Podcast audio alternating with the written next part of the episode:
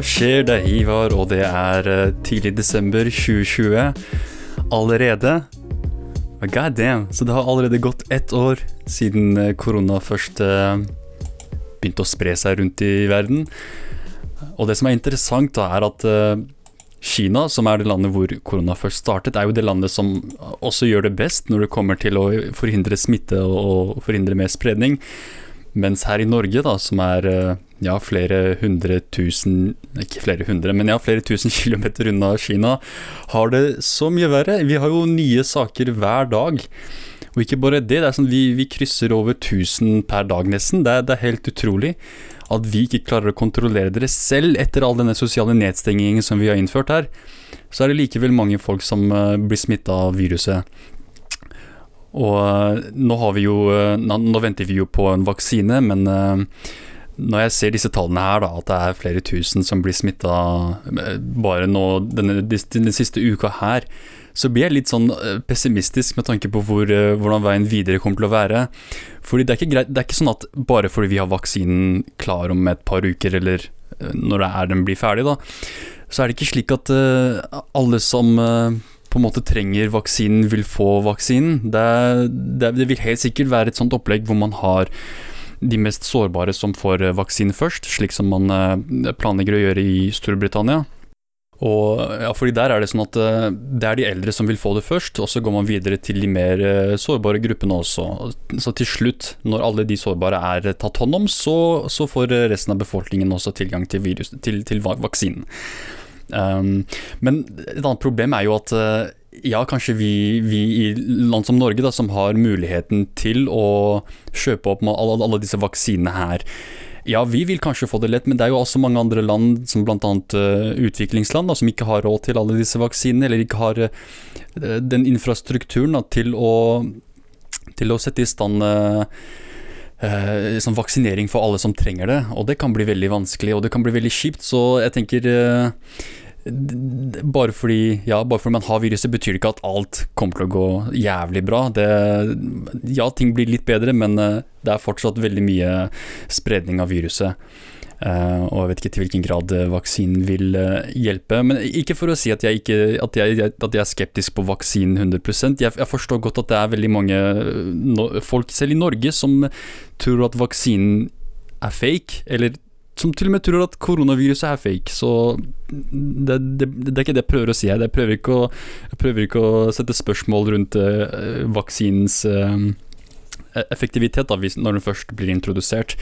Um, men eh, det, det, det er altså ikke Jeg vet ikke. Sånn, jeg vil ikke være altfor håpfull. Jeg tenker det er greit å uh, fokusere først og fremst på å forhindre spredning på en måte som vi kan gjøre det på, da. Som blant annet sosial distansering og, og, og bruke maske. Fortsette å bruke maske og, og um, være i karantene når man først merker noe, noe, noen symptom, symptomer, da.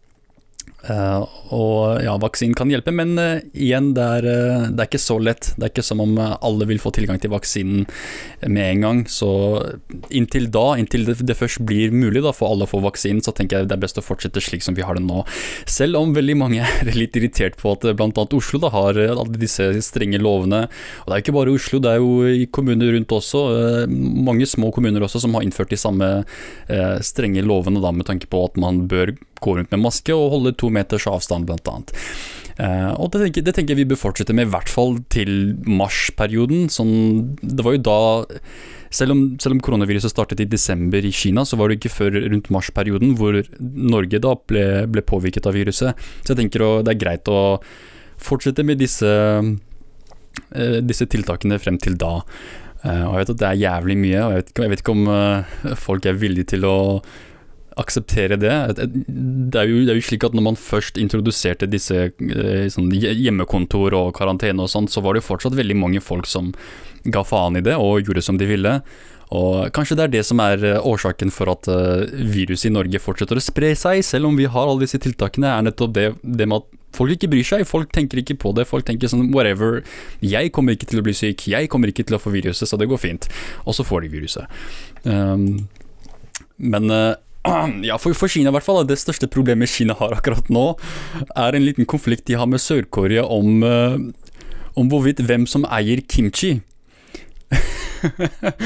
så det er det som er problemet i, i, Kina. Det er ikke koronaviruset, men det er eh, om hvorvidt eh, det er kineserne eller sørkoreanerne som har Hva kaller man det? Kulturell rett på uh, kimchis eksistens. Som, hvem er det som skapte kimchi? Hvem er det som eier kimchi? Uh, greia er at uh, Kina har registrert Eller de har fått certification uh, fra International Organization of Standardization. Um, og de setter dermed da den internasjonale standarden for kimchi, og med, fokus på produksjon i Kina, da. Så Kina blir på en måte den internasjonale standarden for kimchi. Og dette ser sørkoreanerne på som et angrep på deres kultur, fordi de mener at kimchi er jo sørkoreansk. Så det at, det at Kina på en måte har Eh, den internasjonale standarden for kimchi er et uh, forsøk på Kina for å stjele kimchien fra sørkoreansk kultur. Jeg, jeg mener sørkoreanerne har et poeng her, men uh, igjen så må vi huske at det er jo egentlig Kina som produserer mesteparten av kimchien. selv kimchi som blir spist i Sør-Korea her, skriver The Guardian at det er rundt to millioner tonn som kommer rett fra Kina. Altså to millioner tonn av kimchi som blir spist i Sør-Korea, kommer fra Kina. Så selv, selv sørkoreanerne, som da sier at kimchien er deres, uh, spiser kimchi fra Kina. Um, kanskje man kan si at, bare for å gjøre det rettferdig her, man kan si at uh, uh, sånn, dagens kimchi kommer stort sett fra Kina, sånn produksjonsmessig, men det betyr ikke at Kina skapte kimchi. Vi kan fortsatt si at kimchi er sørkoreansk. Så det er kanskje en kompromiss her, er at uh, sånn vi, vi, da, vi som konsumerer dette produktet, er klar over at kimchi er sørkoreansk, men det blir produsert i, sør, i, i, i, Kina. Det er jo mye som blir gjort det uansett. Det er, det, det er, jo ikke det er jo ikke noe nytt at Kina er masse produsenter av et produkt. Uh, og hvis man da skal se på det som et angrep på ens egen kultur, kan vi si at så å si alt som vi, vi kjøper og som er skapt i Kina, er dermed et forsøk på Kina for, for å stjele det produktet fra oss. Um, men ja, jeg vet ikke, kanskje, kanskje, dette er litt mer spesifikt, da, at uh, Kina blir, Kinas kimchi blir, på, blir, på, en måte sett på som den internasjonale standarden. Da. Det er noe annet enn å, enn å produsere legoer eller hva enn det er. Uh, hva, jeg holdt på å si hva enn det er Kina produserer. Hva er det de ikke produserer, er kanskje et bedre spørsmål. Um, men ja, sånn, med tanke på korona, bare for å gå tilbake til korona her, da, er, sånn, Vi må huske at um, sånn, Bare fordi vi i Vesten da klarer å holde kontroll over situasjonen til den grad vi, vi forsøker, da, så betyr ikke at det er like lett for uh, andre land der ute. Sånn, uh, nå nylig så hadde jo uh, et fengsel i Sri Lanka et problem hvor de innsatte følte at det ikke var Det ikke var noen tiltak for å forhindre smitte i fengselet. Og de begynte å protestere og klage, og de ble jo selvfølgelig ikke hørt, så de begynte å, å starte opptøyer. Og nå nylig, denne, denne, saken her som skjedde i Mahara i, i, eh, i Sri Lanka, så endte denne opptøyen med at åtte personer mista livet, og mer enn 50 folk ble skadet i kamper mellom eh, Eller slag da, mellom eh, vaktene og de innsatte. Så for frykt for å dø av koronaviruset, så startet denne opptøyen, og det resulterte med at de ble skutt på, og disse, disse, innsatte folka ble, åtte av de i hvert fall, ble drept. Um, og sånn, dette fikk meg til å tenke denne saken her sånn Når vi først får vaksinen, da, hvem er det vi egentlig bør putte på som Sette på eh, sånn prioriteringslista vår? Ja, de mest sårbare, de, de mest sårbare i samfunnet, de eldre, de, de som har eh, sykdommer, de som har, har det vanskelig allerede. Uh, men etter det, da, skal vi, skal vi prioritere liksom, Hvor putter vi folk som sitter i fengsel, da? Det er det jeg tenker på her. Liksom, hvor putter vi folk som er forbrytere eller soner for en uh, straffen sin for noe de har gjort, da? Sånn, skal vi Fordi de er jo innestengt i en sånn institusjon. Så de har mindre frihet til å på en måte eh, De kan distansere seg fra andre mennesker lettere, men når du er i fengsel, så blir det jo vanskelig. Det er jo begrenset med ressurser, det er begrenset med plass, så det er større risiko for at smitten sprer seg. Så skal man da dermed ikke prioritere de, da, eh, med tanke på vaksine, at vi gir vaksine til de, slik at de ikke sprer smitte blant seg. Fordi de er jo allerede innestengt i et, eh, i et lokale. Mens andre vanlige folk, de, de er jo ute i gatene og, og, på en måte kan eh, fortsette med disse med disse tiltakene, da, med, å- med å distansere seg, bruke maske osv. Det blir det blir lettere for de enn det er for folk som sitter i fengsel. Um, men uh, greia med denne saken, da, det, det, som skjedde i Sri Lanka, er at de, de kunne ha vært unngått hvis, uh, hvis disse Hvis denne direktøren for fengselet, eller hvis disse vaktene faktisk eh, satt opp, satt, gjorde, gjorde det slik at disse, de, disse innsatte hadde et trygt miljø, da, at de ikke trenger å være bekymret for at eh, de vil bli smittet av covid pga. de tilstandene de lever i. Um, men eh, ja, en, en annen sak som også interesserte meg rundt dette her koronaviruset, er jo det som skjedde i Danmark. Um, det var jo slik at eh, Danmark opplevde en slags mutasjon av koronaviruset, og det var rundt samme tid som man eh, først kom ut og sa å, nå, nå er vi på vei mot en vaksine her som, som kan være veldig effektiv. Så kom Danmark ut og sa at vi har oppdaget en mutasjon av koronaviruset blant mink. Og greia er at Danmark driver jo med um, de driver med sånn pelsdyr og, og eh, Spesielt av mink, da. De, de er jo en av de største produsentene av minkpels. Og det betyr at det er veldig mange mink i Danmark. Jeg tror det var så mange som 15 millioner av de. Og for å forhindre at eh, dette, denne mutasjonen av koronaviruset skulle spre seg videre, så bestemte Danmark seg for å slakte alle minkene. Og eh, hva gjør du når du har millioner av døde mink? Skal du begrave de sånn individuelt? Sånn alle skal få sin egen grav, og eh, til minne for Tim, til minne for Jon. De kan ikke gjøre det. Sånn, det de gjør, er å sette opp massegraver.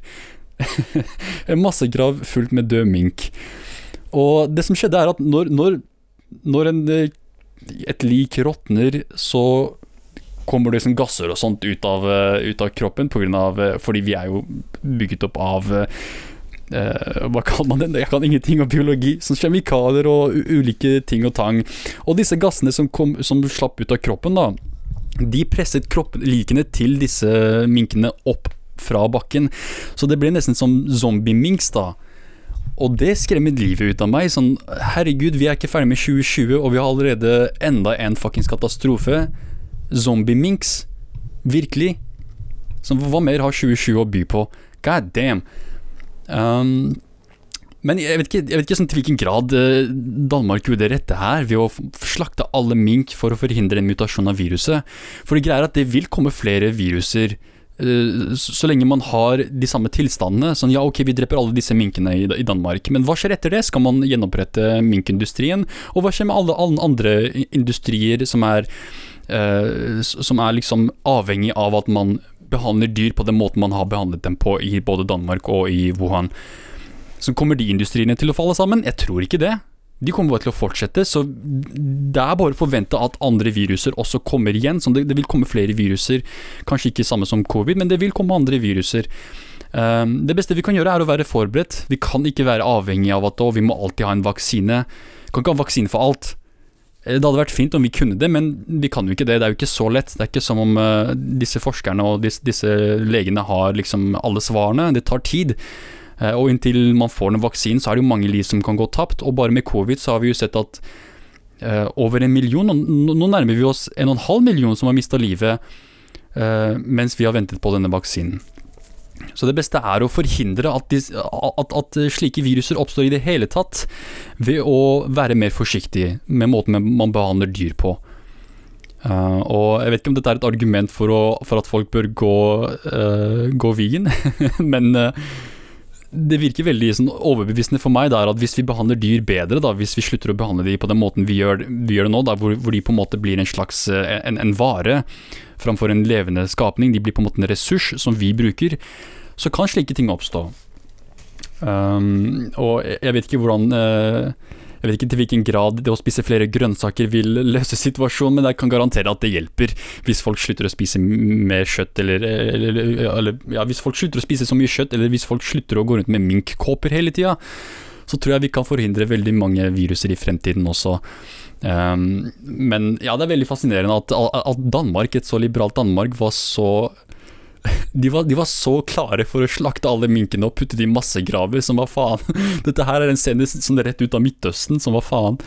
Eh, at de var så klare, det syns jeg var veldig interessant. Eh, spesielt fordi danskene er jo så hyggelige og så, og så, så fine folk at de, de, er så blodtørstige også, det visste jeg ikke. Men etter, etter, deres mening så forstår jeg at dette det, det, dette var den beste løsningen. Du må jo drepe alle minkene, du må kverke de for å forhindre at viruset sprer seg. Fordi hvis det viruset hadde spredd seg og man da hadde fått en vaksine, så hadde vaksinen blitt uh, sånn helt meningsløs. Den hadde ikke gjort en dritt. Um, så til den grad så forstår jeg at, at Danmark valgte å, valgte å, slakte alle sammen. Uh, la oss ta en tur til Afrika her. Nok med Europa. Så greia er at Etiopia har hatt en konflikt med sin Tigray-befolkning nord for landet. Uh, og dette kommer egentlig av, etter min oppfatning, da, så kommer det uh, så Alt dette startet med politisk uenighet om uh, politiske rettigheter, da, sånn Tigray-regions autonomitet. Som, til hvilken grad skal de ha selvstyre og makt over sine egne områder? Og de Tigray, den etniske gruppen, da, var jo tidligere de var de som hadde mye av makten i landet. Og det var ikke før i 2018, etter en haug av protester, at Abiy Ahmed, som tilhører en annen etnisk gruppe, som, er, eh, som eh, innebærer flere folk, da, eh, kom i makten og, og, innførte en del lover og endringer som Tigray-befolkningen var veldig misfornøyde med. da. Og denne konflikten mellom Tigray-regionen og Etiopias la oss kalle det sentrale regjering Denne konflikten utviklet seg til å bli en væpnet konflikt. Det, det, som skjedde, var at en av disse militærbasene til Etiopia ble angrepet av noen eh, opprørere i Tigray. Ifølge, igjen, bare for å tydeliggjøre her, ifølge etiopiske myndigheter.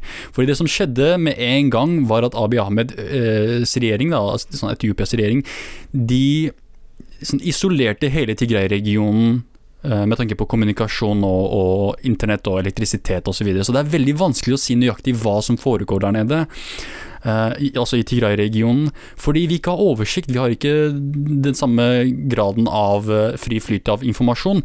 Så vi er egentlig begrenset med hva slags informasjon vi har, og vi må til en viss grad ta i betraktning hva det er uh, Etiopias regjering sier, for det er jo så å si den eneste informasjonen vi har.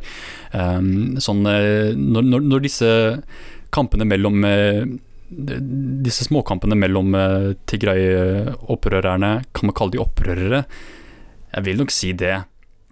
Uh, altså Tigray People's Liberation Front, dette, dette politiske partiet, dette lederskapet når de var i konflikt med Etiopias regjering, så fikk vi ikke vite om hvem som hadde mista livet, hvor mange som hadde blitt skadet uh, gjennom Tigray-regionen. Vi måtte få informasjon fra naboregioner, altså sykehusene der, fordi der hadde de, der hadde de mer uh, Der var de ikke isolerte, da, sånn kommunikasjonsmessig. Uh, så det er veldig vanskelig å si nøyaktig hva som skjer der nede. Men ifølge eh, rapporter her, eh, bl.a. fra Associated Press, så er det slik at det skal være planlagt tung bombing av eh, en av de største byene i Tigray-regionen, kalt Mekele. Og Mekele har en befolkning på over 500 000 folk. Så hvis det blir tung bombardering av dette området her, så kan jeg garantere deg at det kommer til å bli sykt mange folk, altså sivile folk, da, som mister livet. Folk som ikke nødvendigvis er helt enig med eh, Tigray People's Liberation Front. Eh, det er nok mest sannsynlig det, fordi de er jo Tigray-folket, de også. men sånn, hvor rettferdig er det at, eh, at sivile befolkninger skal liksom lide basert på en uenighet mellom uh, sentrale regjeringen og regionen, Tigray-regionen. Um, ifølge Abiy Ahmed så er det slik at uh, hvis de steller seg bak uh, TPLF, hvis, de, hvis, disse folka steller seg bak TPLF, så fortjener de å dø. Fordi da har du valgt liksom å gå imot regjeringen, da har du valgt å stelle deg bak TPLF, og da fortjener du å dø. Um, så det vil ikke bli sett på som en slags uh, ja, eh, sånn tap av sivile liv vil vil ikke, bli tatt så seriøst, tenker jeg. Um, og bare nå, da, sånn, med tanke på de konfliktene man har hatt nå, de kampene man har hatt mellom uh, Tigray-befolkningen og, og, og, og, det sentrale regjeringen, det er jo allerede tusenvis av folk som har mista livet. Um, eh, ja, Ifølge forskjellige kilder. Noen sier at det er hundrevis, andre sier tusenvis. Eh, og så har man jo en strøm av flyktninger som går over nå til Sudan. Sudan har jo forberedt seg på sånn, så mye som 200 000 flyktninger, men allerede nå, ifølge Al Jazeera, så er det så mange som 43 000 som har eh, reist og krysset grensen fra Tigray-regionen til Sudan. Um, men akkurat nå da, så er konflikten egentlig mellom Tigray-befolkningen og, og, Etiopias eh, Eller Tigray-regionen og Etiopias regjering. Og Tigray-regionen er jo eh, bebodd av så mange som seks millioner mennesker her, ifølge Associated Press. Og uh, skal vi se her De forente nasjoner ber om å tillate for å hjelpe de folka som bor i dette området her. Og eh, ja, ifølge Forente nasjoner, United Nations, så er det også så mange som en million folk som har blitt eh, tvangsflyttet fra områdene som et resultat av denne konflikten. Så det er ikke bare det at folk, fly, folk rømmer og krysser grensene til Sudan, men de, ja, de, de flytter kanskje til andre regioner også for å flykte fra denne konflikten. Så det er allerede hundretusenvis, ja, så mange som en million, som er drevet på flukt som et resultat av denne konflikten. Og hvis denne konflikten fortsetter noe det er stor sannsynlighet for, for det ser ikke ut som Abiy Ahmed er villig til å sette seg ned og finne en humanitær løsning på dette her, finne, finne en diplomatisk løsning på dette her. Uh, han var veldig klar for å gå til krig, for en eller annen grunn. Uh, selv om han på en måte var uh, sett på som fredskandidaten. Han fikk jo Nobels fredspris. Man tenkte å, han vil, han vil løse konflikten med Eritrea. Ja, det har han gjort, men sånn på bekostning av at forholdet mellom Tigray-befolkningen og Etiopias regjering blir forverret. Eh, og denne konflikten her, hvis den sprer seg til andre regioner i, i Etiopia, så kan, det, så kan, det, bli en katastrofal borgerkrig. Jeg venter ennå med å kalle dette her en borgerkrig. Jeg vet at veldig mange, selv eksperter, vil kalle det en, den situasjonen en borgerkrig, men jeg vil helst vente med å bruke det, det ordet for å beskrive denne situasjonen her. Dette her virker mer som en, uh, en konflikt mellom uh, geriljakrigere til en stor grad og, og sentrale regjeringen. Um, men uh, det skal ikke så mye til da, for at uh, området blir såpass destabilisert at det blir en borgerkrig i, området, i, i hele landet. Uh, og det kan bli veldig katastrofalt med tanke på at flyktningstrømmen vil på en måte bli enda mer ekstreme, og det vil være langt flere folk som mister livet.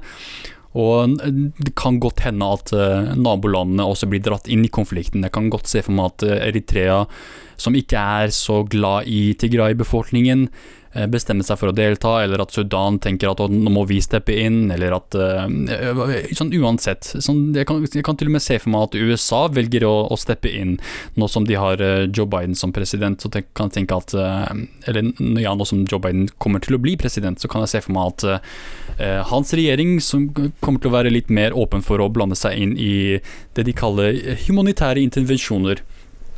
Um, så ja, så det er, det er veldig en veldig håpløs situasjon. Uh, la meg lese opp et par sitater her fra Abiy Ahmed. Um, han sier Every target has been signed and approved. The House, altså parlamentet, can see that uh, every missile launched is backed by a signature of authority.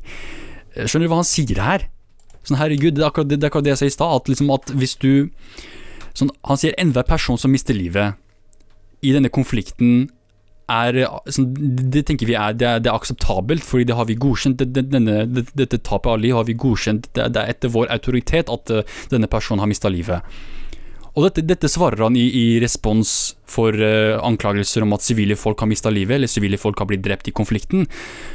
Så at han, at han gir så lite faen, da, det skremmer meg. Uh, videre sa han 99% of them hit their targets and 99% of them did not have collateral damage.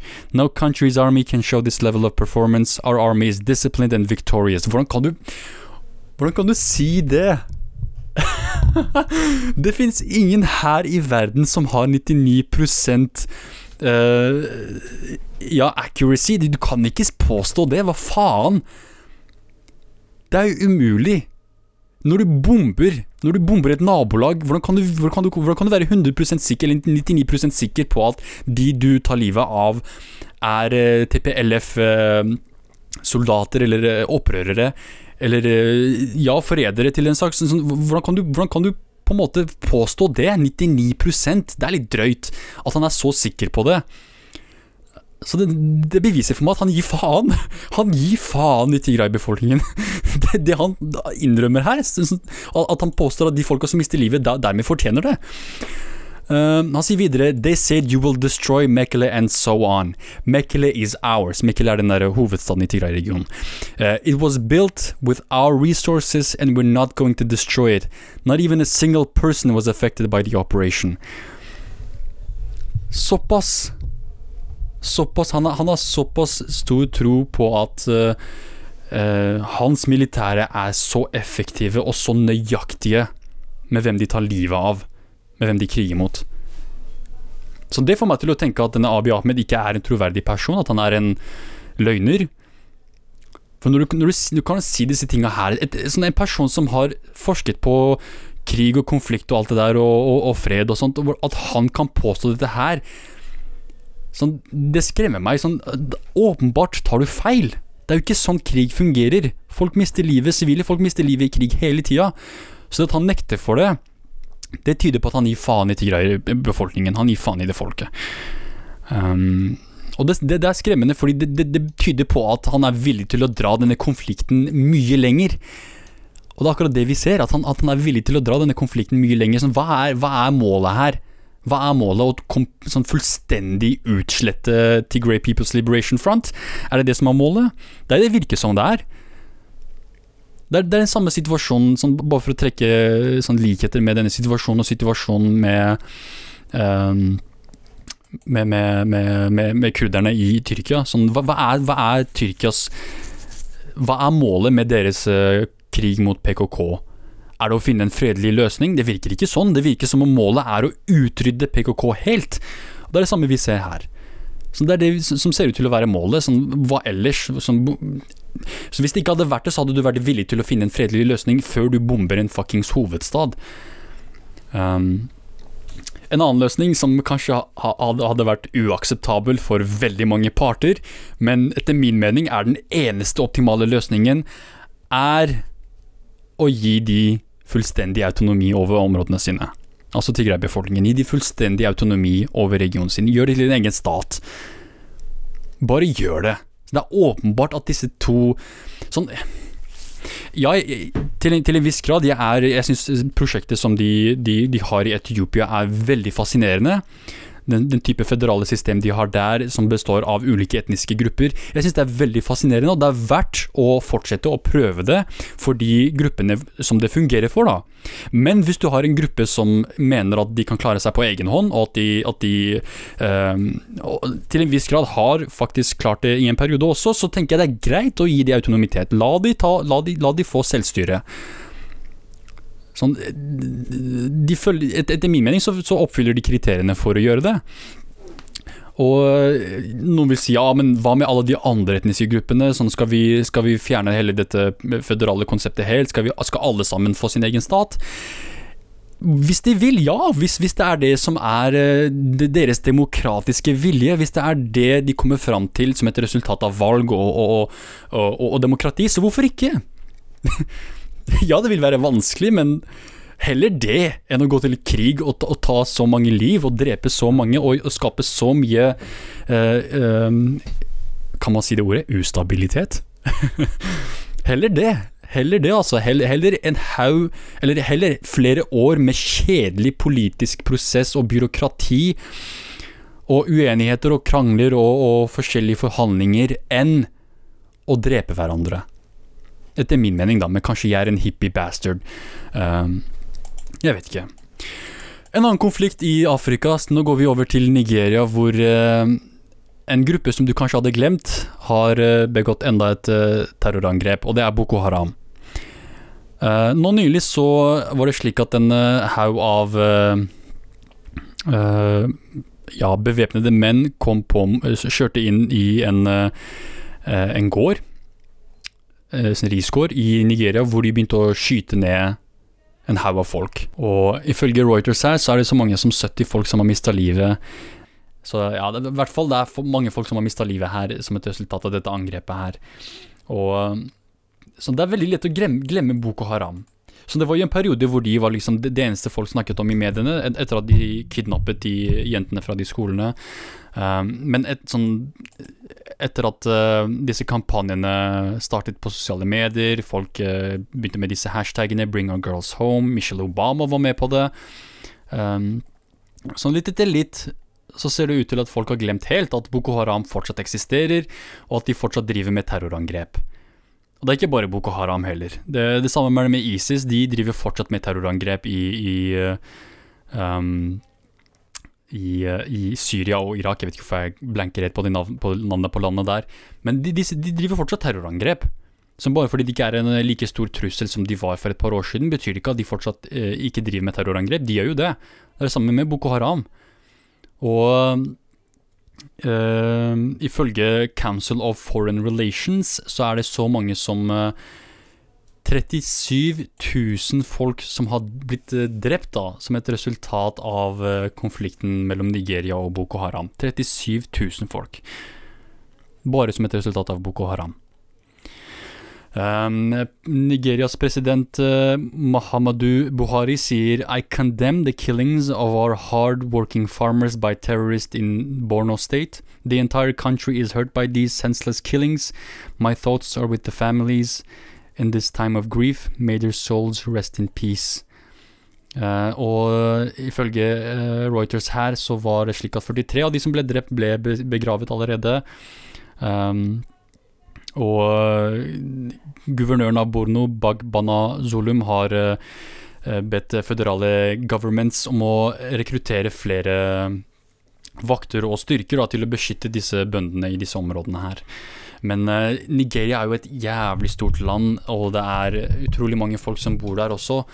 Så det blir veldig vanskelig for uh, myndighetene å på en måte sikre alle gårdene. Så disse terrorangrepene de, de, de er veldig skremmende fordi de kan være såpass effektive når de går inn til sånne rurale områder hvor det er veldig lite beskyttelse fra staten og, og styrker. da, Så kan de egentlig gjøre så, så, så, De kan stort sett gjøre hva de vil. Um, og det er helt meningsløst drap. Helt meningsløst. Sånn Ja, sånn meningen for dem da er å skape frykt og, og begå terrorisme. Det er jo det målet er, er å skape frykt. Men hva er målet? Sånn, sånn, hvordan faen Sånn, Disse terroristene er jo Jeg vet ikke hvordan jeg skal si det her. Sånn, de er jo helt sånn De lever i fantasiland. De tror virkelig at deres metoder vil være effektive. Det er jo ikke det. Hvordan skal du få folk på din side når du tar livet av over 40 000 Uh, ikke over, men nesten 40 000 av 37 000 folk i det landet du prøver å påvirke politisk. Du kan jo ikke det.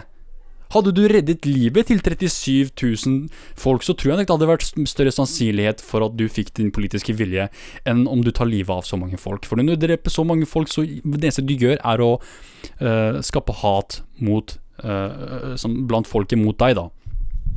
Åpenbart. Selvfølgelig. Selvfølgelig skal du ikke drepe. Selvfølgelig er den beste løsningen å hjelpe folk, men eh, for mange dumme folk der ute som terrorister, så er det fortsatt veldig vanskelig å forstå. De tenker fortsatt at vold er den løsningen. Og jeg vet ikke, sånn en ting er når man har organisert vold, som terrororganisasjoner som IS og, og, Boko Haram og sånt, men en annen ting er disse det man kaller lone wolves, altså sånn eh, enslige terrorister, folk som begår terrorangrep alene. De er enda mer fucked. Så mange av disse folka har ikke noen politiske sånn, intensjoner engang. Så de har ikke noen politiske mål engang. De bare begår terrorangrep fordi de er fucked i huet. Uansett hva det er.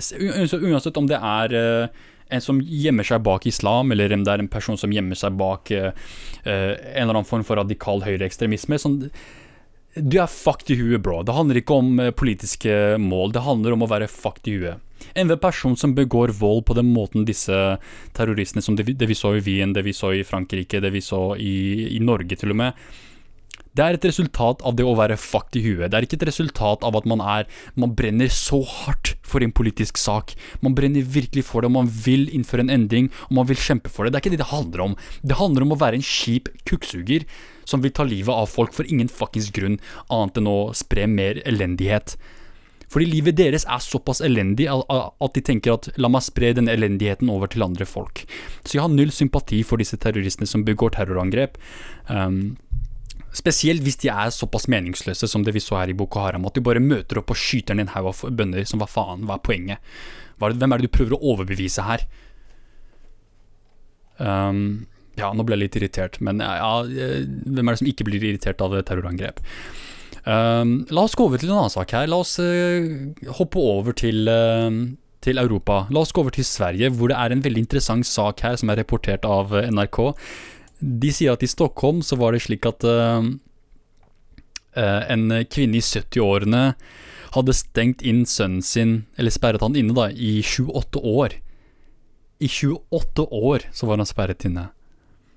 Det første jeg tenkte når jeg så denne tittelen, er hva var det han gjorde for å fortjene 28 år med husarrest? Nei da, jeg skal ikke kødde for mye. Og, men, men det, er sånn 70 år, bro, du kunne ikke, du kunne ikke pusha ut til siden og gått ut av døra. Du kunne ikke Sorry, jeg, jeg, jeg, skal ikke kødde. Det er en veldig seriøs sak. Jeg, jeg tror nok det her er veldig interessant, for det handler jo litt om manipulasjon. Jeg tenker over det. Så Øystein Heggen uh, skriver for uh, NRK her at kvinnen i 70-årene, hun som sperret inne sønnen, ble pågrepet, og hun er mistenkt for å ha holdt sønnen innesperret i leiligheten. Og når politiet fant han, så skal han ha vært i forekommen tilstand. Altså, ja, hva er et bedre ord for det? Et annet ord for forekommen? Utmattet? Sliten? jeg vet ikke. Um, og det var altså en eh, Ja, det var ikke politi som fant han, det var en slektning som fant han. Ja, det er en annen ting. Sånn, disse slektningene burde, burde jo ha visst om dette her. Sånn 28 år. De må da ha lagt merke til noe. Men jeg vet ikke, la oss lese, la oss lese artikkelen her, kanskje vi får mer informasjon. Uh, Øystein skriver her, eller sorry, Heggen skriver her Mannens helsetilstand skal være svært dårlig, men ikke livstruende, uh, ifølge sykehuset der han er innlagt. Det har hittil ikke vært mulig å avhøre ham, men politiet har planer om å snakke med ham på uh, sykehuset i løpet av tirsdagen. Um, Påtalejurist Emma Olsen sier til SVT vi skal kartlegge mannens levekår og hans situasjon, vi skal også foreta et stort antall avhør av vitner. Uh, ja, hvem er disse vitnene? Uh, slektninger? Naboer? Uh, uh, Olsen sier til Dagens Nyheter at hun ikke vet hvorfor mannen ikke har kunnet uh, varsle om at han ble holdt fanget. det blir et av spørsmålene i etterforskningen. Ja, det, det, jeg vet ikke, sånn, bare for å spekulere her sånn hvis du blir holdt inne, som de skriver her, siden han var 12 år, og han er nå 41 år okay, han, han, ble stengt inne da han var 12 år, han er 41 år. Så når du, når du blir sperra inne i den alderen, så er det veldig tydelig på at dette her er snakk om manipulasjon. Det er snakk om hjernevasking. Det er det eneste som kan på en måte forklare dette her, at en person lar seg selv bli tråkket så hardt ned på. Um, skal vi se her eh, Og denne informasjonen kommer fra en uh, slektning. Um, da hun tok seg inn i leiligheten søndag, fant hun mannen i forekommen tilstand. Ok, whatever. Uh, hun beskriver boligen nærmest som en søppelfylling. Um, det, kan ha, det kan ikke ha blitt vasket på flere tiår. Det var som å gå rett inn i en skrekkfilm, sier kvinnen til avisa Ekspressen. Det hadde gått 20 år siden hun var der sist. Hvordan er det her mulig? Hvordan er det mulig at, at slektninger ikke besøker hverandre på over 20 år? Sånn Enten må denne moren ha vært en veldig toxic person som ingen vil ha noe med å gjøre, eller så er disse folka her veldig lite glad i familie. Sånn, de gir faen i familie. Sånn, ikke noe jeg vet ikke, julemiddag, ikke noe invitasjon til en eller annen uh, sammenkomst. Sånn, sånn, er det virkelig Var folk virkelig såpass Ja, fremmede? Sånn slektninger Det var jo slektninger som fant, fant, det til slutt. Um, herregud, jeg forstår virkelig ikke hvordan det kan være mulig. At det er innestengt så lenge. Vi har jo sett eksempler av det med med, med, han Josef Fritzel i, i, Østerrike, hvor han stengte inn uh, døtrene sine Eller var det dattera si eller døtrene? Jeg husker ikke. Det er så, så, så lenge siden, en gammel sak. Um, men det ga, det ga, litt mer mening, Fordi der snakker vi om en uh, sånn heavy, gammel mann uh, som man på en måte hadde stengt de inne i et hus med, med fysisk makt, da. Mens her jeg, jeg tviler på at uh, moren i alle disse årene kan ha holdt han like svak. Men igjen, hvis hun på en måte har uh, manipulert han og hjernevasket han, og, og de, skriver sånn han var i forekommen tilstand, så han kan åpenbart ikke fått i seg nok næring da, til å overleve og holde seg sterk, til å kunne flykte. Um, Men igjen, det som virkelig bekymrer meg her, er slektningen. At det tok så lang tid for, for de å si ifra. Kom igjen, da. Um, skal vi se her. Moren skal ha blitt innlagt på sykehus for flere uker siden, skriver Aftenbladet, og ifølge avisa skal hun ha forlatt sønnen med litt potetgull, knekkebrød, ost og en boks med makrell. Det høres ut som middagen min. det høres ut som middagen min, altså. Jeg vet ikke. Men ja, sånn, hun har blitt innlagt for flere uker siden, og det er dette hun etterlot seg. Ikke rart at han var funnet i det de kaller forekommen tilstand her. Herregud. Um, Mannen kunne knapt snakke og skal ha vært i svært medtatt, nesten uten tenner og med store sår i kroppen. God damn! Wow! Um, Aftenbladet og Ekspressen mener at mannen ble fraktet til sykehuset, og han skal blitt operert straks etter at han ble innlagt. Uh, kvinnen etterforskes for frihetsberøvelse, men nekter for at hun har gjort noe kriminelt. Um, ja, virkelig, du nekter for det. Ja, du vil ikke tilbringe din egen Du vil ikke oppleve frihetsberøvelse selv, du vil ikke tilbringe resten av din tid i fengsel. Så selvfølgelig nekter du for det, men det her er ondskap når man finner denne form for frihetsberøvelse, da, at man blir på en måte tvangsfengslet av, av, av, sin egen familie også, det er det verste. Sånn, det, er noe, det, er noe av det verste du kan gjøre. Så hva enn som blir straffen hennes, tenker jeg er fortjent. Skal vi se her Dette Det her, ja, se. Familien visste om det, tydeligvis. Eh, familiemedlemmer forteller til Ekspressen at da den tolv år gamle gutten gikk på skolen fram til 7. klasse, Uh, at den, den da tolv år gamle gutten Ok. Deretter forsvant han fra samfunnet. Slektningen som fant mannen, sier hun i flere år uh, har mistenkt at han ble holdt innesperret av sin egen mor. Uh, moren skal ha fortalt sønnen helt fra barndommen av at samfunnet og alle mennesker i nærheten av dem er ute etter dem. Holy fuck. Ok, så moren har åpenbart mentale problemer her. Sånn åpenbart en, en ekstrem form for paranoia her. Um, hun sa at det bare var hun som kunne beskytte dem. Ok, Så jeg vet ikke til hvilken grad uh, det her var en slags uh, Jeg vet ikke sånn, Jeg kalte det en ond handling, men nå virker det som om hun bare er syk og, og på en måte trengte hjelp selv, da. Men det betyr dermed ikke at, uh, at, at, at det hun gjorde med sønnen sin, var riktig, da. Absolutt ikke. Skal vi se her eh, Kvinnen som eh, fant den innesperrede mannen, hevder overfor Ekspress at hun forsøkte å slå alarm for lenge siden. What? Så de visste om det? Så, så hun har prøvd å gjøre noe med saken tidligere også? What the fuck? Ok, ok, la meg lese videre. her. Ekspressen uh, forteller at, uh, at, hun forsøkte å slå alarm for lenge siden, men at hun ble overtalt til å ikke blande seg inn av andre slektninger. Jeg var ung og ga til slutt opp, sier hun til avisa. Wow! Så andre slektningen hadde mistanke selv, og de visste litt om det, eller, eller, visste noe om det, men de ba dem om å ikke blande seg inn. Hva faen? Sånn, når noen har disse mentale lidelsene her, da, sånn ekstrem paranoia, så skal du blande deg inn, så skal du prøve å hjelpe. For hva er det som skjer da, hvis du ikke gjør det? Jo, sånne ting som det her kan skje, hvor, uh, hvor hun gjør noe så drastisk som det å stenge inn sønnen sin i nesten 30 år. Det er jo Herregud. At, at, at slektningene var så villige til å bare se bort ifra det. Nei, det er ikke bland deg, det går bra, du, du klarer seg. At, at, folk kan ha en sånn holdning, det, det skjønner jeg virkelig ikke. Uh, for, kort siden, for, kort tid siden fikk denne slektningen vite at den eldre kvinnen som holdt sønnen sin fanget, befant seg på sykehus. Da bestemte slektningen seg for å dra til leiligheten som ligger i Hanninge kommune, sør i Stockholms land lån? Jeg vet ikke. jeg vet ikke hva det ordet betyr. Ehm, jeg skjønte at han var der inne, og at han måtte være redd, siden moren hans var hans eneste trygghet, og nå var hun borte, sier hun til avisa. Det, virker som om slektningene visste en del om uh, situasjonen til denne mannen, og at uh, de ikke gjorde noe med dette her før nå. Det vet ikke, Jeg blir, blir bekymra, og jeg vet ikke til hvilken grad de også er skyldige i situasjonen her. Alt, sånn, når du vet om en forbrytelse, en, en, ekstrem forbrytelse som foregår, og du ikke gjør noe med det, er ikke du da også skyldig til en viss grad, hvis du velger å la denne personen fortsette å lide?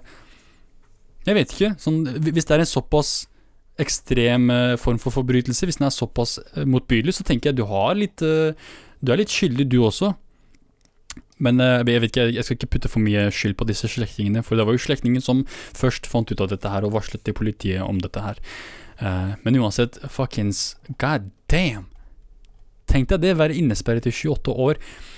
Og jeg kan garantere at dette her er ikke den dette er ikke den eneste saken om dette. her Jeg kan garantere at det, er, det finnes flere folk som er i samme situasjon. Um, dette, er ikke, dette, er ikke, noe som, som, bare skjer ut av det blå, sånn bare én gang. Uh, det er helt sikkert mange folk som har opplevd noe lignende også, hvor de kanskje ikke har blitt innesperret i 28 år, men uh, lengre perioder, da. Sånn frihetsberøvelse, det er jo uh, Det er jo ikke noe nytt. Det er absolutt ikke det. Og spesielt i de mer konservative familiene så kan jeg tenke meg at det er noe som kan være veldig eh, til stede, da. La oss eh, gå videre til en annen sak her eh, sånn i Norge som eh, bekymrer meg litt, med tanke på Norges fremtid og med tanke på hva slags land vi vil være her i Norge.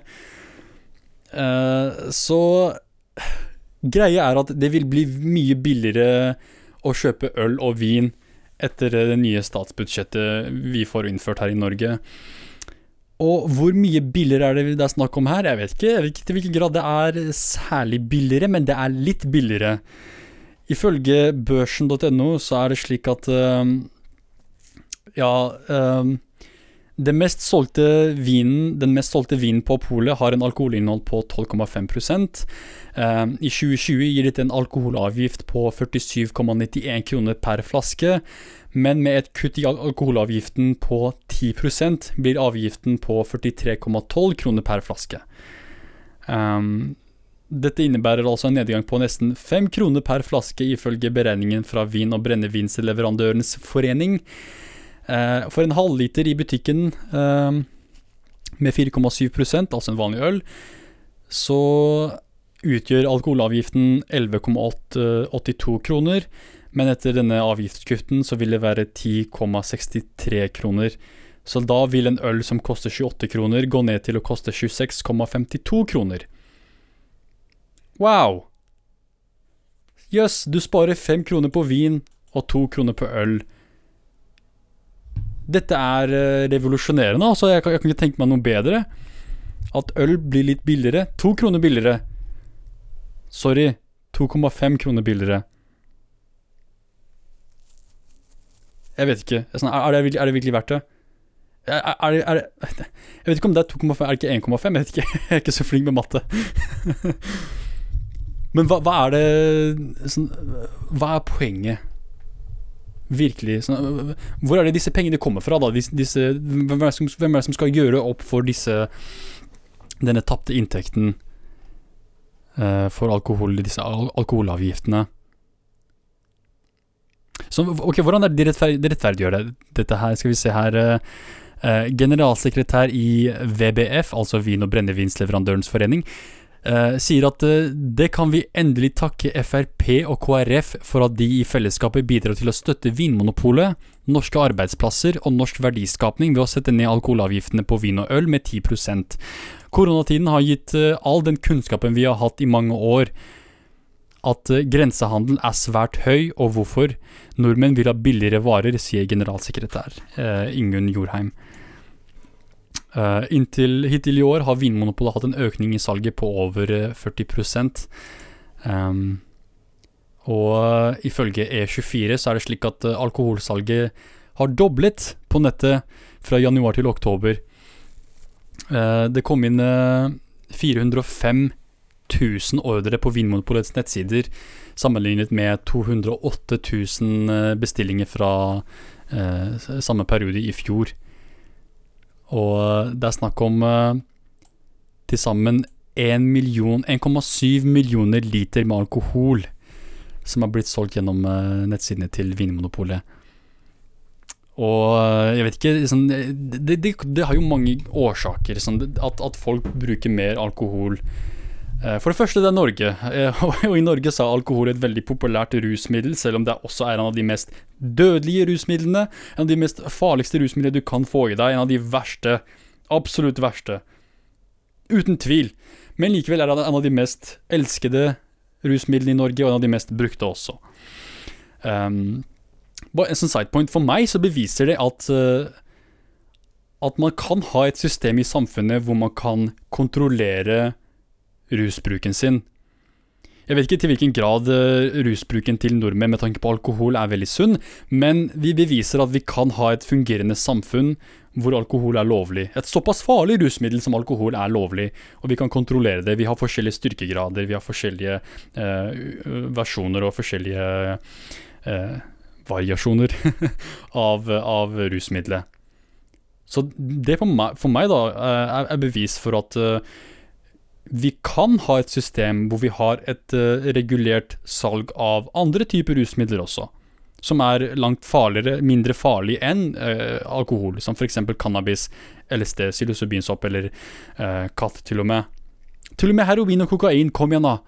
Så, hvis vi klarer å kontrollere alkohol, som er såpass skadelig og destruktiv, så tror jeg nok vi kan kontrollere heroin og kokain også. For det er jo ikke, slik at alle i Norge eller såpass mange folk i Norge da er interessert i å bruke kokain og heroin på samme nivå som det er med alkohol.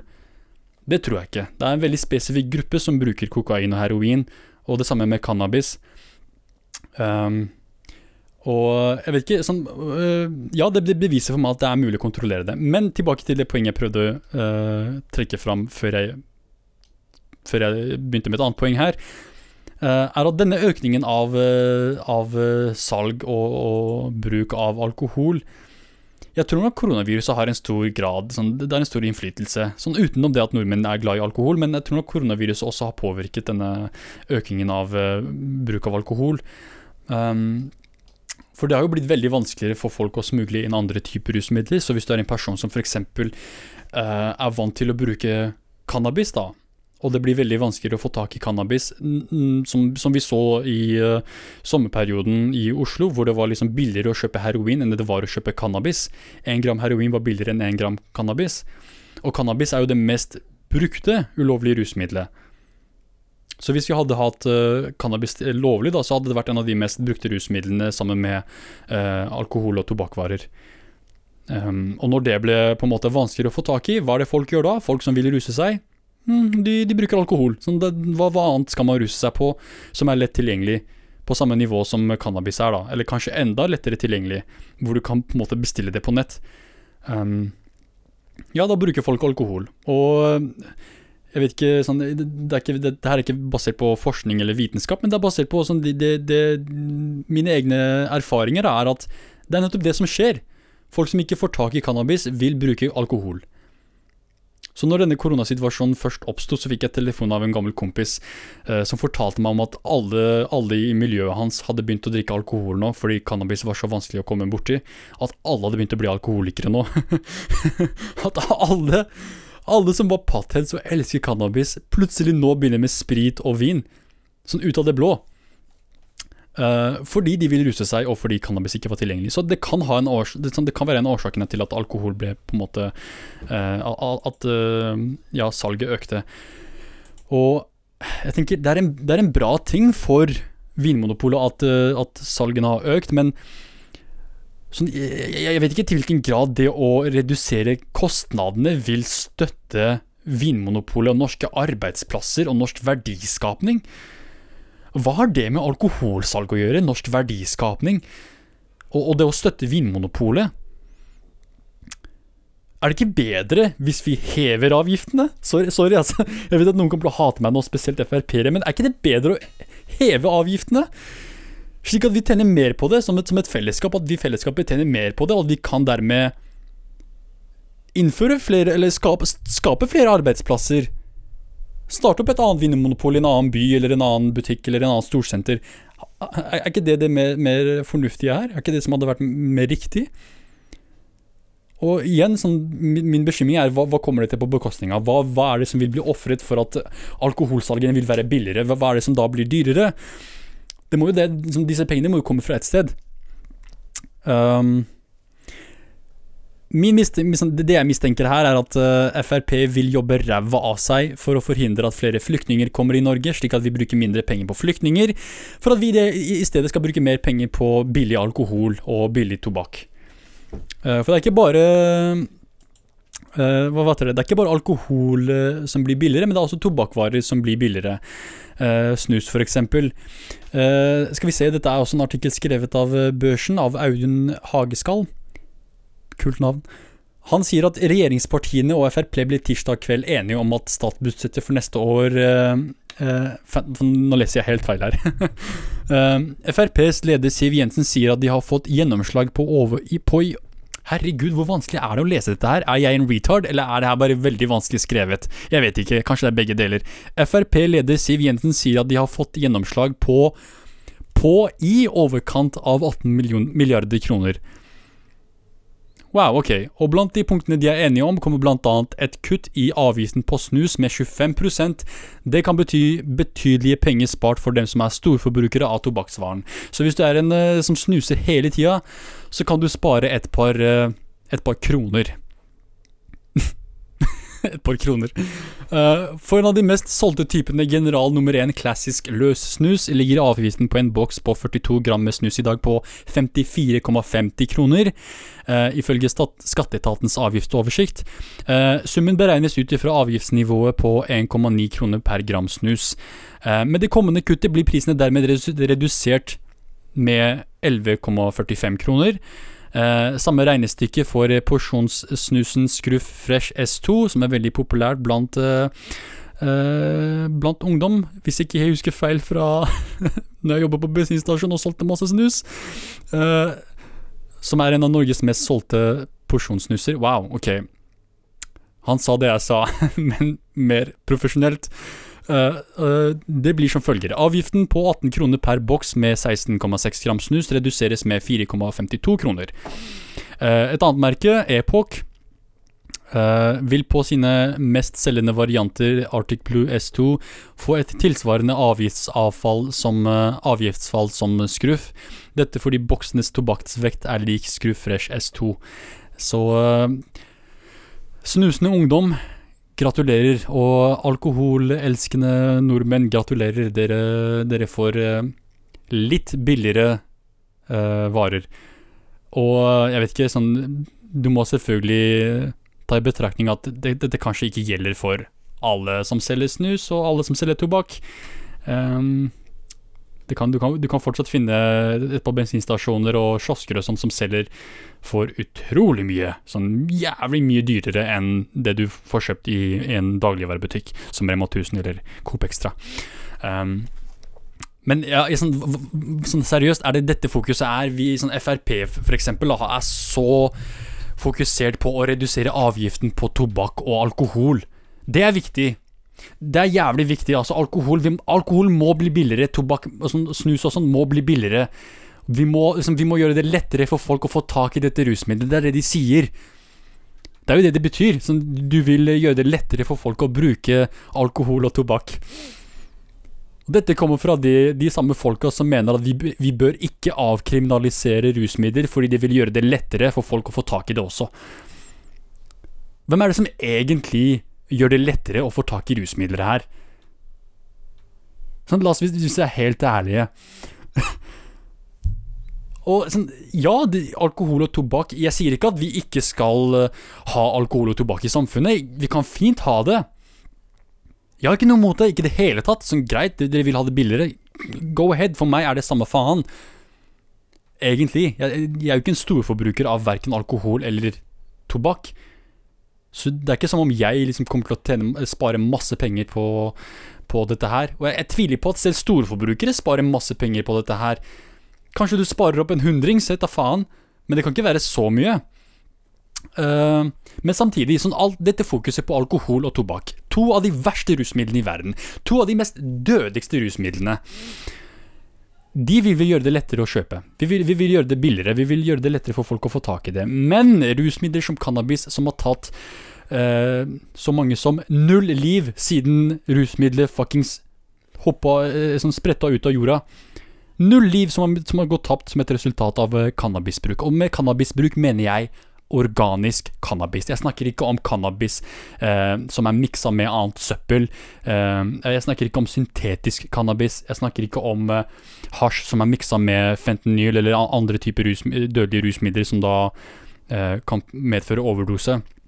For det er det, det er det som er problemet her, at når man, når man ser alle disse overskriftene 'Overdose på cannabis, døde av cannabis', så leser du artikkelen, så står det at eh, personen var, eh, var drita, hadde tatt seg en joint og var i en bilulykke, og så sier at det var cannabisen som eh, Åpenbart så var det cannabisen som førte til døden.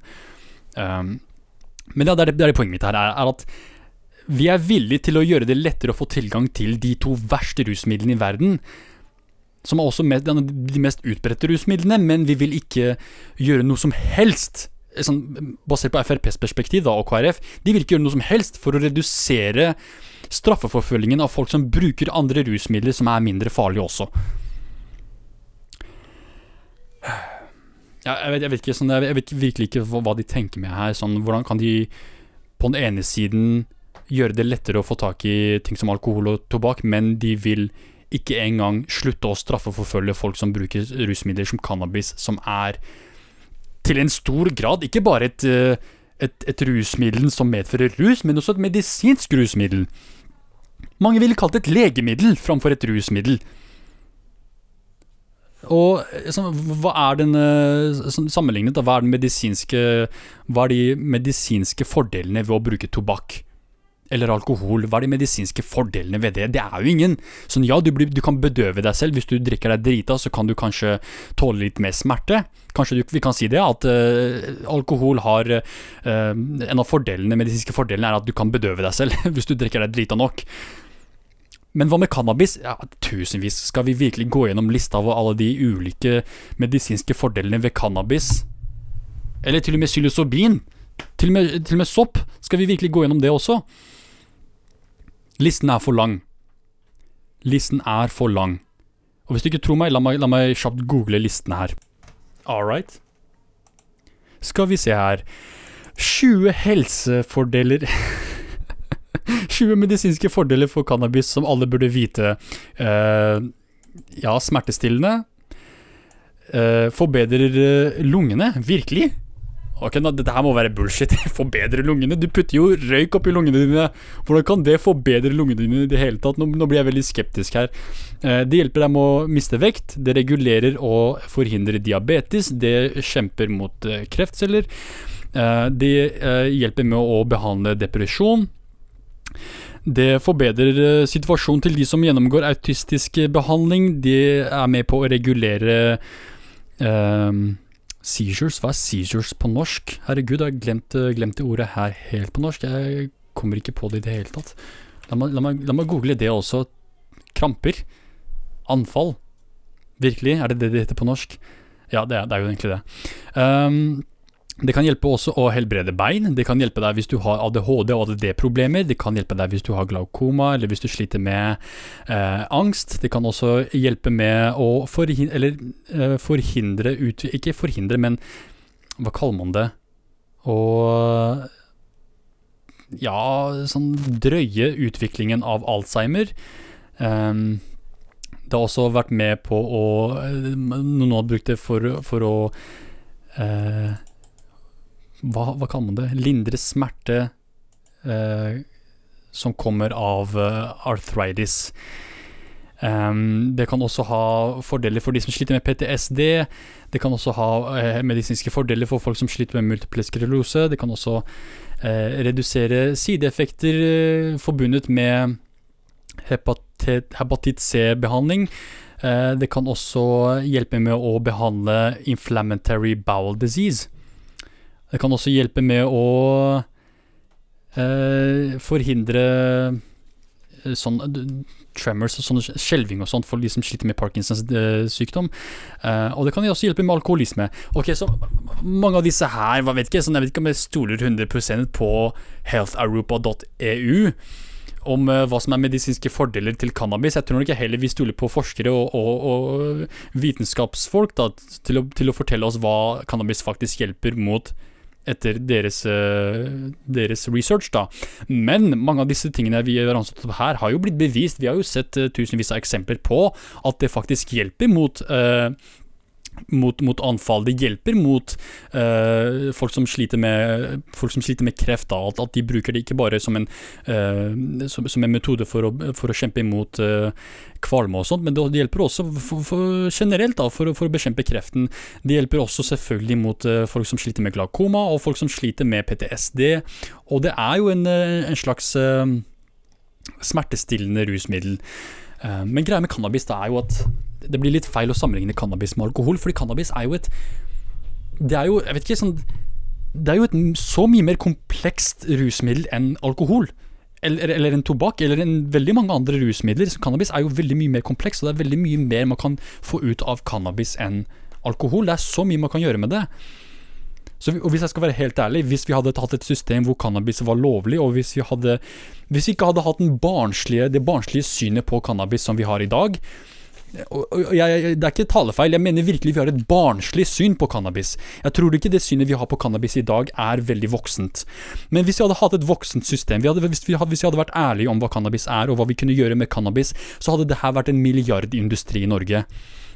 Mer så enn alkohol.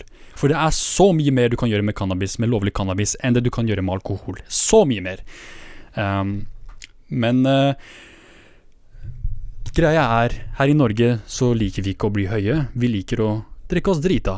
Så dermed skal vi heller fokusere på å forbedre situasjonen som til storforbrukere av alkohol og cannabis, enn å hjelpe situasjonen til storforbrukere av cannabis og andre, eh, andre tungere rusmidler. Og der, der, ligger liksom hykleriet til Frp. At de har ingenting imot å pushe mer alkohol på storforbrukere, men uh, de har noe veldig sterkt imot det å på en måte gi den samme tilgangen til folk som er storforbrukere av cannabis eller storforbrukere av et annet rusmiddel. Selektivisme. Kan man si det? Hykleri og selektivisme og, og uh, dårlige argumenter. Skal vi se her eh, Jeg har en haug av andre nyhetssaker her som jeg gjerne skulle gått gjennom, men nå har vi nærmet oss en time her. Så jeg tenker vi kan ta resten en annen gang. Um, skal vi se, Noe som er veldig interessant som har skjedd, er alle disse vulkanutbruddene i Indonesia. Jeg ville gjerne gå gjennom det også. Ganske skummelt. Um, nå nylig så var det et annet vulkanutbrudd i New Zealand som tok livet av 22 eh, folk. Uh, det vil jeg også snakke om. Ganske brutalt. Uh, det skremmer meg, sånn, det, det, her med å bo nærme vulkaner. Um, sånn, jeg syns det er en av de mest skumleste tingene. For når du bor så, såpass nærme en vulkan, og så kom, blir det vulkanutbrudd sånn det er sånn en angst på et annet nivå. Sånn det, det skremmer livet av meg. um, skal vi se her. Det var også, jeg ville egentlig snakke litt mer også om rusmidler, og, og måten nordmenn ser på rusmidler. Blant annet så er det en NRK-artikkel NRK som refererer til um, MDMA og, um, og piller som dødsdop. Hør på det ordet, dødsdop. Sånn, hvem, hvem, er det som bruker dødsdop? Så hvis du, sånn, det er åpenbart ikke det som er målet. Sånn, når, når, kids velger å ruse seg, ikke, de tenker ikke 'å, det her er dødsdop, vi kan, vi kan, muligens dø av det', derfor skal vi bruke det. Men de velger, heller, de velger fortsatt å bruke dette ordet her, disse journalistene her, dødsdop. Sånn, hva, er det, hva, er det, du prøver å si her, dødsdop? Det, det, denne, denne ordbruken skremmer meg virkelig. Dødsdop.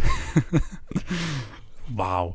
Uh, men, men, i hvert fall den saken handler om uh, at politiet er veldig skeptiske til folk som selger testing kits. Og det er akkurat det som forhindrer at et rusmiddel blir et dødsdop, er at du tester det. Så, så, vet du om dette stoffet er miksa opp, eller om dette stoffet er fake, eller om dette stoffet er for sterkt. Det er sånn du finner ut av det, ved å bruke testkits, ved å unngå at du har en, en, en, en farlig rusopplevelse, da. Eh, men det er politiet veldig skeptisk til, og det har de vært ganske lenge også. Sånn testkits. Virkelig testkits. En ting, Jeg kan skjønne at du blir skeptisk, eller du er imot at folk selger, uh, selger rusmidler over sosiale medier, men hvis du er skeptisk til at folk selger testkits over sosiale medier, da, da skjønner jeg virkelig ikke hva målet ditt er. Eller jeg vet hva målet er. Målet er jo et rusfritt samfunn. Altså ulovlig rusmiddel er narkotikafritt samfunn. Um, og det er jo fantasifullt som bare faen, men uh, det er jo målet deres. Uh, en, annen, uh, en, annen sak jeg ville gå gjennom, er en, en, skoleelev som tok LSD på skolen og havnet på sykehus. Um, ja, eh, og, og politiets bekymring rundt disse, denne nye generasjonen av rusbrukere som uh, er mer åpne for å bruke disse empatogene og disse, disse psykadeliske rusmidlene. Da. Det er jo, det er jo en veldig interessant endring som, som jeg ja, man kan si det, det var å forvente, fordi det var jo slik eh, ting utviklet seg selv på 90-tallet. At man begynte å bruke litt mer av disse, eh, disse psykedeliske rusmidlene og sånn MDMA og LSD og sånt. Men at det har blitt så populært i Norge blant ungdom også, det syns jeg er veldig interessant. Og eh, igjen her også så har sosiale medier litt, og, litt med det å gjøre også. Uh, men det, denne saken kommer vi kanskje tilbake til også. men for nå så tenker jeg det er greit å avslutte, så takk for at du hørte på. Dette var Hivar, og nå litt heftig musikk.